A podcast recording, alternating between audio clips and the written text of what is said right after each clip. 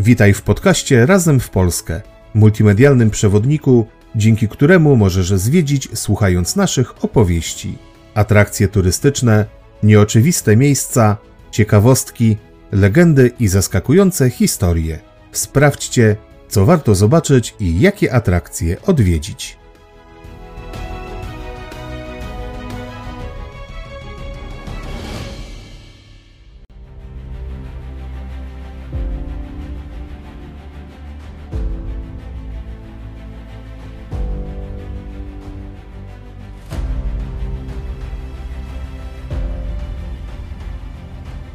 Przygotowaliśmy dziś dla Was specjalną wycieczkę, w której pojawią się sensacyjne i niesamowite wątki związane z wydarzeniami, które prawdopodobnie miały miejsce na pograniczu historycznej Warmii i Mazur w średniowieczu. Ruszymy niczym Bogusław Wołoszański śladem świętego Grala i sprawdzimy, za czyją przyczyną pojawił się w XV wieku na Mazurach. Spróbujemy odkryć, dlaczego krzyżacy zamienili swoją warownię na kościół i co robią w nim kości pruskich plemion. Sprawdzimy, czym skutkowała pielgrzymka ostatniego mistrza krzyżackiego do sanktuarium maryjnego, zobaczymy, jak jezuici poradzili sobie z budową klasztoru na bagnach oraz opowiemy o najpiękniejszych barokowych organach w Europie. Nie pozostaje nam nic innego, jak w ślad za słynnym w latach 90. programem Niedowiary powitać Was w naszej strefie 11.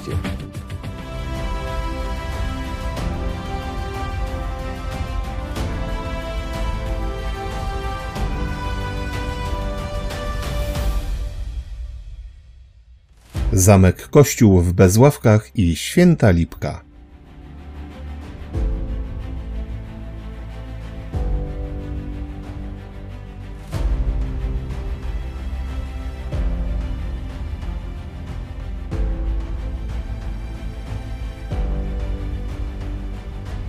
Zabieramy Was dziś na przepiękne tereny położonej w województwie warmińsko-mazurskim Świętej Lipki. Ta niewielka wieś w okolicach Kętrzyna i Reszla kojarzy się wszystkim ze słynnym sanktuarium maryjnym, do którego pielgrzymki docierały już w XV wieku. Dziś po stuleciach kultu znajduje się tu przepięknie zdobiona bazylika ze słynnymi ruchomymi organami. W okolicy odnajdziemy także inną ciekawą atrakcję, która od lat przyciąga poszukiwaczy skarbów i tropicieli sensacji. To zamieniony w XVI wieku na kościół Zamek Krzyżacki w Bezławkach. I to od niego zaczniemy naszą dzisiejszą opowieść.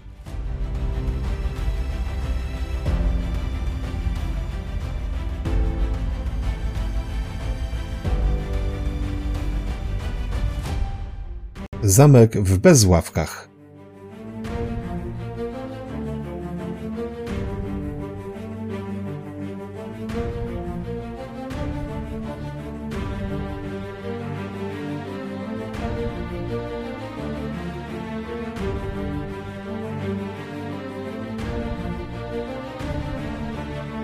Zamek Krzyżacki w Bezławkach wzniesiono na surowym kamieniu w 1371 roku jako strażnicę i bazę wypadową do chrystianizacji Litwy. Podlegał on prokuratorom kętrzyńskim i zabezpieczał nowo kolonizowane tereny od wschodu jako jedna z warowni na skraju puszczy oddzielającej zakon od Litwy. Zamek wzniesiono na samotnym wzgórzu dominującym nad okolicznym terenem. Początkowo powstała potężna, jak na owe czasy, pięciopoziomowa strażnica na kamiennej podmurówce o wymiarach 12 na 25 metrów. Surowy wygląd elewacji posiadającej zaledwie trzy otwory okienne urozmaicały ostrołukowe wnęki i dekoracyjne szczyty z blendami. Piętra rozdzielały drewniane stropy, dzieląc w ten sposób zamek na część reprezentacyjną i mieszkalną. Najniższą i zarazem największą kondygnację zajmowały pomieszczenia gospodarcze, a dwa ostatnie poziomy magazyny. Nieco później zamek otoczono kamiennym murem, tworząc w ten sposób obszerny dziedziniec o wymiarach 42 na 52 metry.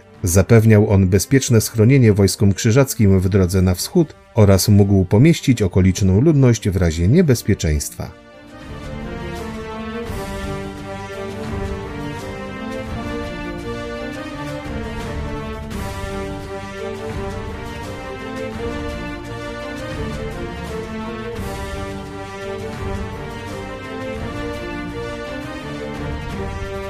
W 1402 roku zamek na dwa lata zostaje siedzibą Bolesława Świdry-Giełły, brata króla Władysława Jagiełły, który wszedł w sojusz z Krzyżakami, chcąc przy ich pomocy pozbawić władzy na Litwie księcia Witolda. To właśnie z Bezławek dokonał on najazdu na Litwę, podchodząc nawet pod Wilno, został jednak tam pobity przez wojska polsko-litewskie. Próbę ponowił jeszcze w 1403 roku, lecz rezultat był podobny. W 1404 roku, po uzyskaniu przez Jagiełłę bulli papieskiej zakazującej krzyżakom wypraw na Litwę, zakonnicy zerwali ze Świdrygiełłą, który musiał opuścić zamek. Jednak z jego pobytem tu związana jest największa tajemnica bezławek.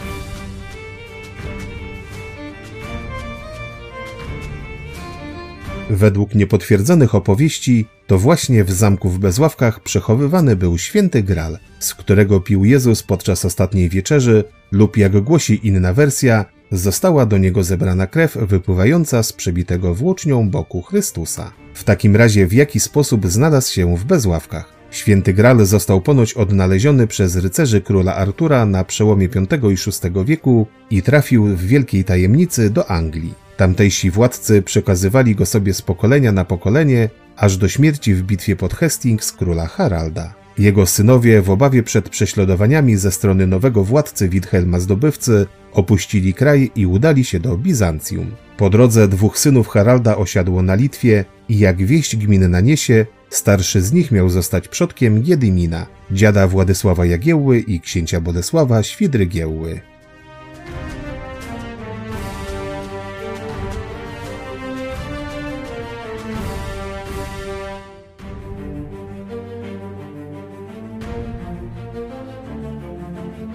To właśnie Świdrygiełło, nie do końca wiadomo czy świadom wartości skarbu, przywiózł go ze sobą do Bezławek wraz z innym inwentarzem. Potwierdzają to kronikarze pisząc o dwóch kielichach nazwanych greckim i angielskim. Sojusz księcia z krzyżakami skończył się szybko, a bracia zakonni wystawili mu za pobyt w Bezławkach srogi rachunek. Także ten zmuszony był do pozostawienia tu cennych precjozów, w tym kielichów. Po Wielkiej Wojnie Polski z zakonem krzyżackim zamek w Bezławkach stracił znaczenie militarne, dlatego w 1513 roku postanowiono zamienić go na kościół. Do tego celu postanowiono wykorzystać część skarbów pozostawionych przez Świdrygiełłę, między innymi wyszywaną kapę z wyobrażeniem obrazu Maryi z Dzieciątkiem z wyraźnymi literami greckimi i sprzęty liturgiczne, w tym wspomniane wcześniej kielichy. Kiedy latem 1520 roku oddziały tatarskie plądrowały okolice, skarby zostały zamurowane w jednej ze ścian. Od tego czasu ślad po świętym gralu ponownie zaginął.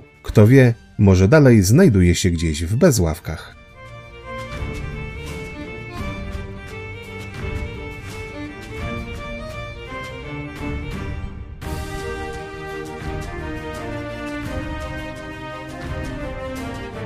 1525 roku wraz z sekularyzacją zakonu Prusy przyjęły wiarę protestancką, a kościół w Bezławkach przeszedł w posiadanie ewangelików. W 1583 roku następuje przebudowa świątyni, mająca na celu dostosowanie do pełnienia nowej funkcji. Usunięto podział wnętrz, wykuto nowe okna, zbudowano zakrystię i nową bramę, a dziedziniec zamkowy zamieniono na cmentarz. W XVIII wieku od strony zachodniej do kościoła dobudowano wieżę służącą jako dzwonnica. Świątynia służyła ewangelikom do lat 70. XX wieku, kiedy to zmarł ostatni z protestantów. Przez parę lat stał pusty i jak się można domyśleć, wykorzystali to szabrownicy, którzy wynieśli stąd wszystko, co można było sprzedać. Powycinali nawet obrazy z ambony.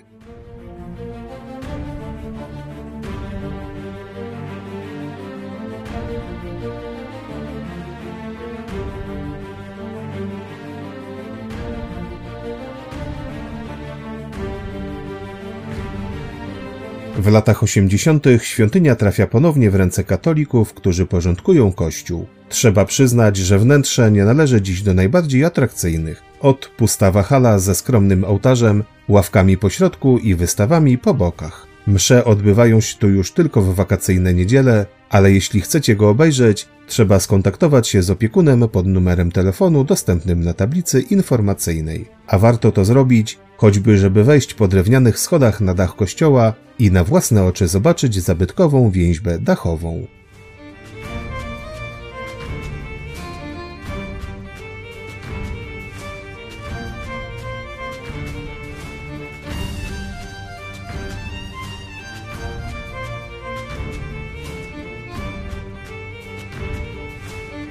Wokół kościoła znajduje się niezwykle klimatyczny stary cmentarz. Dawne niemieckie napisy strawił już czas, ale jest też kilka odnowionych nagrobków. Podczas badań archeologicznych odkryto pozostałości krypty z XVII wieku, pojedyncze znaleziska z czasów krzyżackich oraz zbadano i zabezpieczono około 200 szkieletów ludzkich. W okolicach odkryto także stare cmentarzysko pochodzące prawdopodobnie z okresu lokowania wsi. Chowano na nim zmarłych wywodzących się z pruskiego plemienia Bartów już w obrządku nowej dla nich religii chrześcijańskiej, ale z elementami tradycyjnymi dla pogańskich plemion. Jeden z odkrytych grobów rodzinnych możemy dziś obejrzeć wewnątrz kościoła.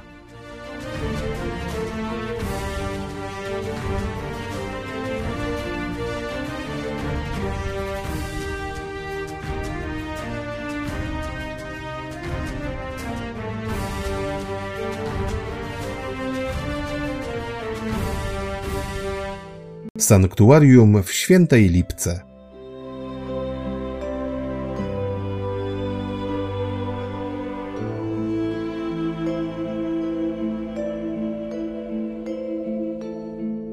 Święta Lipka to niewielka miejscowość na pograniczu historycznej Warmii i Mazur, nazywana także Częstochową Północy, ze względu na istniejące tu od XVII wieku sanktuarium maryjne. Początki kultu sięgają jednak XIV stulecia, kiedy to skazańcowi osadzonemu w lochach kętrzyńskiej bazyliki ukazała się Matka Boska, nakazując mu wyrzeźbić swą podobiznę. Gdy rano krzyżaccy strażnicy zajrzeli do celi, zobaczyli tam wyrzeźbioną figurkę i bardzo się zdumieli. Uznali to za cud i wypuścili więźnia, ten zaś udał się w kierunku Reszla. Po drodze zawiesił figurkę na mijanej lipie i to właśnie drzewo dało początek sanktuarium nazywanego Świętą Lipką. Rzeźba ta dość szybko zasłynęła cudami, a miejscowi wybudowali dla niej kaplicę, którą opiekowali się krzyżaccy księża.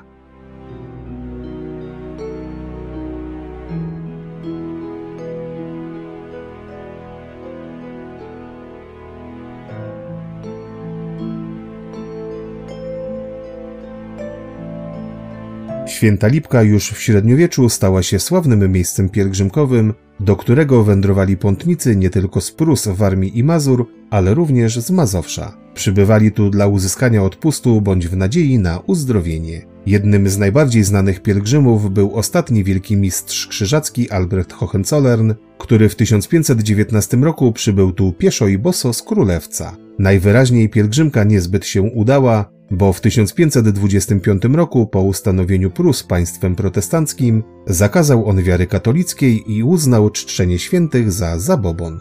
W przypływie szału wściekli ewangelicy z Kętrzyna zburzyli i obrabowali kaplicę, ścieli okazałą lipę, a figurkę utopili w jeziorze wirowym. Jakby tego było mało, to dla odstraszenia potencjalnych pielgrzymów na jej miejscu ustawiono szubienicę.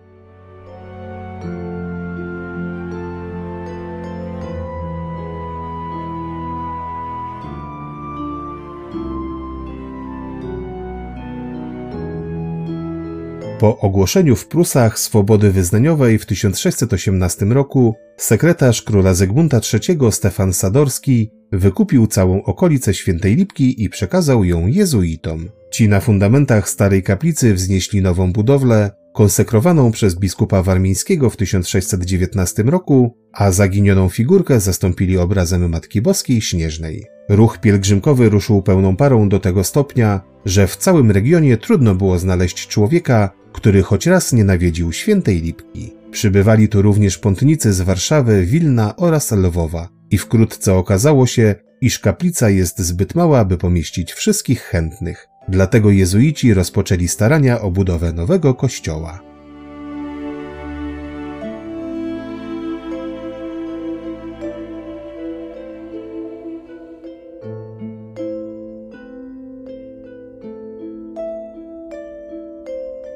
Budowę kościoła rozpoczęto w 1688 roku i w ciągu pięciu lat powstała nowa barokowa świątynia. Ponieważ budowla wchodziła w bagniste tereny, konieczne okazało się ustabilizowanie gruntu poprzez wbicie 10 tysięcy pali olchowych. Dość szybko okazało się, że podczas ważnych świąt Kościół nie może pomieścić wszystkich wiernych. Dlatego w 1694 roku jezuici przystąpili do budowy krużganków z narożnymi kaplicami. Dzięki tym pracom w początkach XVIII wieku powstał, zaliczany do najwspanialszych okazów późnego baroku w Polsce, kompleks klasztorny składający się z bazyliki, krużganków i domu zakonnego.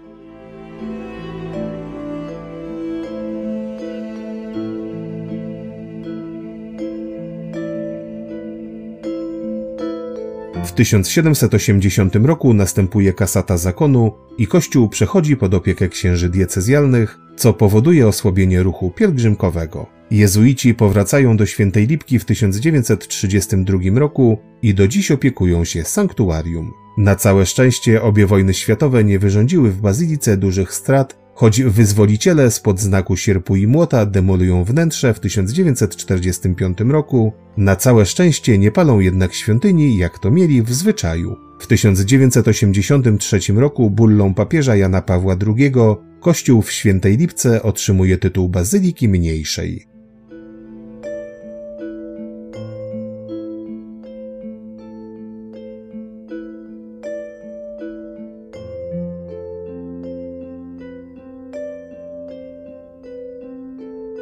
Dziś sanktuarium zachwyca swoim wyglądem i często uznawane jest za najwspanialszy okaz późnego baroku w Polsce. Wejście do kompleksu prowadzi przez kutą bramę z motywami roślinnymi, samą w sobie będącą artystycznym dziełem ślusarstwa i kowalstwa. Na linii muru frontowego uwagę przyciągają figury świętych, jakby strzegące całego założenia. W jego centrum znajduje się trójnawowa bazylika, otoczona parterowymi krużgankami i piętrowymi kaplicami w narożach. Ich dekoracje stanowi bogata polichromia oraz galeria kamiennych rzeźb przodków Chrystusa. Pięknie wyglądający front kościoła zdobią dwie strzeliste wieże.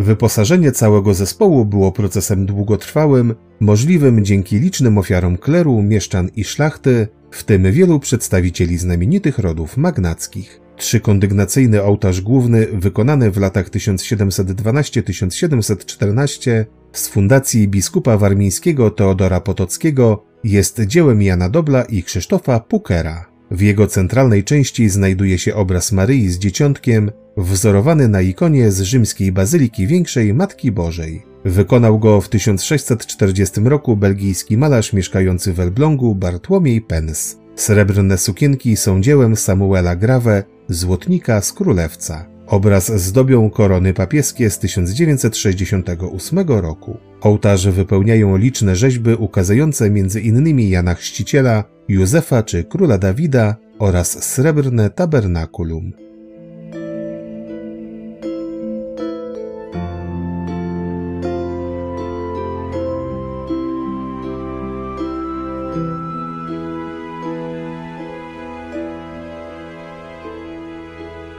Na bogate wyposażenie kościoła składa się także sześć pięknie zdobionych ołtarzy bocznych. W nawie głównej znajduje się imitacja legendarnej lipy, w której umieszczono figurę Matki Boskiej, wykonaną ze srebrnej blachy w 1652 roku. Naprzeciw niej znajduje się ambona wykonana przez Krzysztofa Pukera w 1700 roku, ozdobiona płaskorzeźbami przedstawiającymi sceny biblijne. Na sklepieniach i ścianach prezbiterium, naw oraz obu zachrystii znajduje się bogaty zespół fresków pędzla Macieja Jana Majera z Lidzbarka Warmińskiego.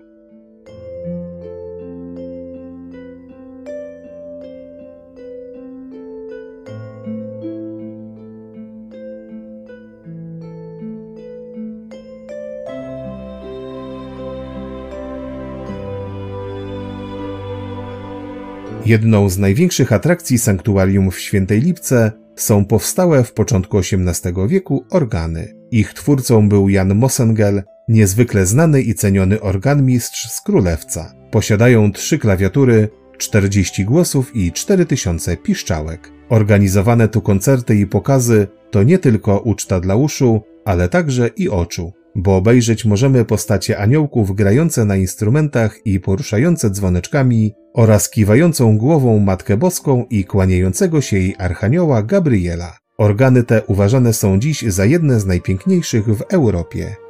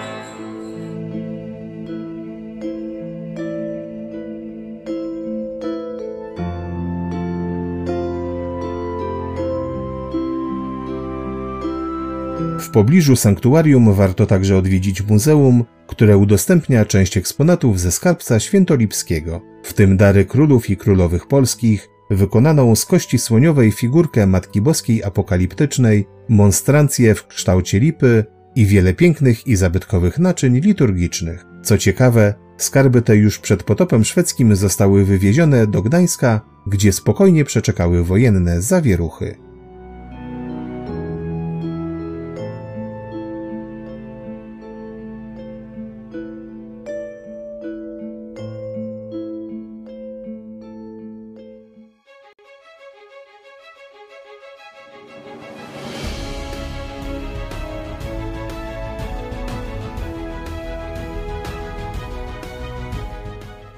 To już koniec naszej dzisiejszej opowieści. Przypominamy, że wszystkie atrakcje, o których tu dziś słyszeliście, możecie obejrzeć na naszym kanale Razem w Polskę na YouTube oraz przeczytać o nich w serwisie wypoczywamywpolsce.pl. Zapraszamy na kolejne nasze podcasty.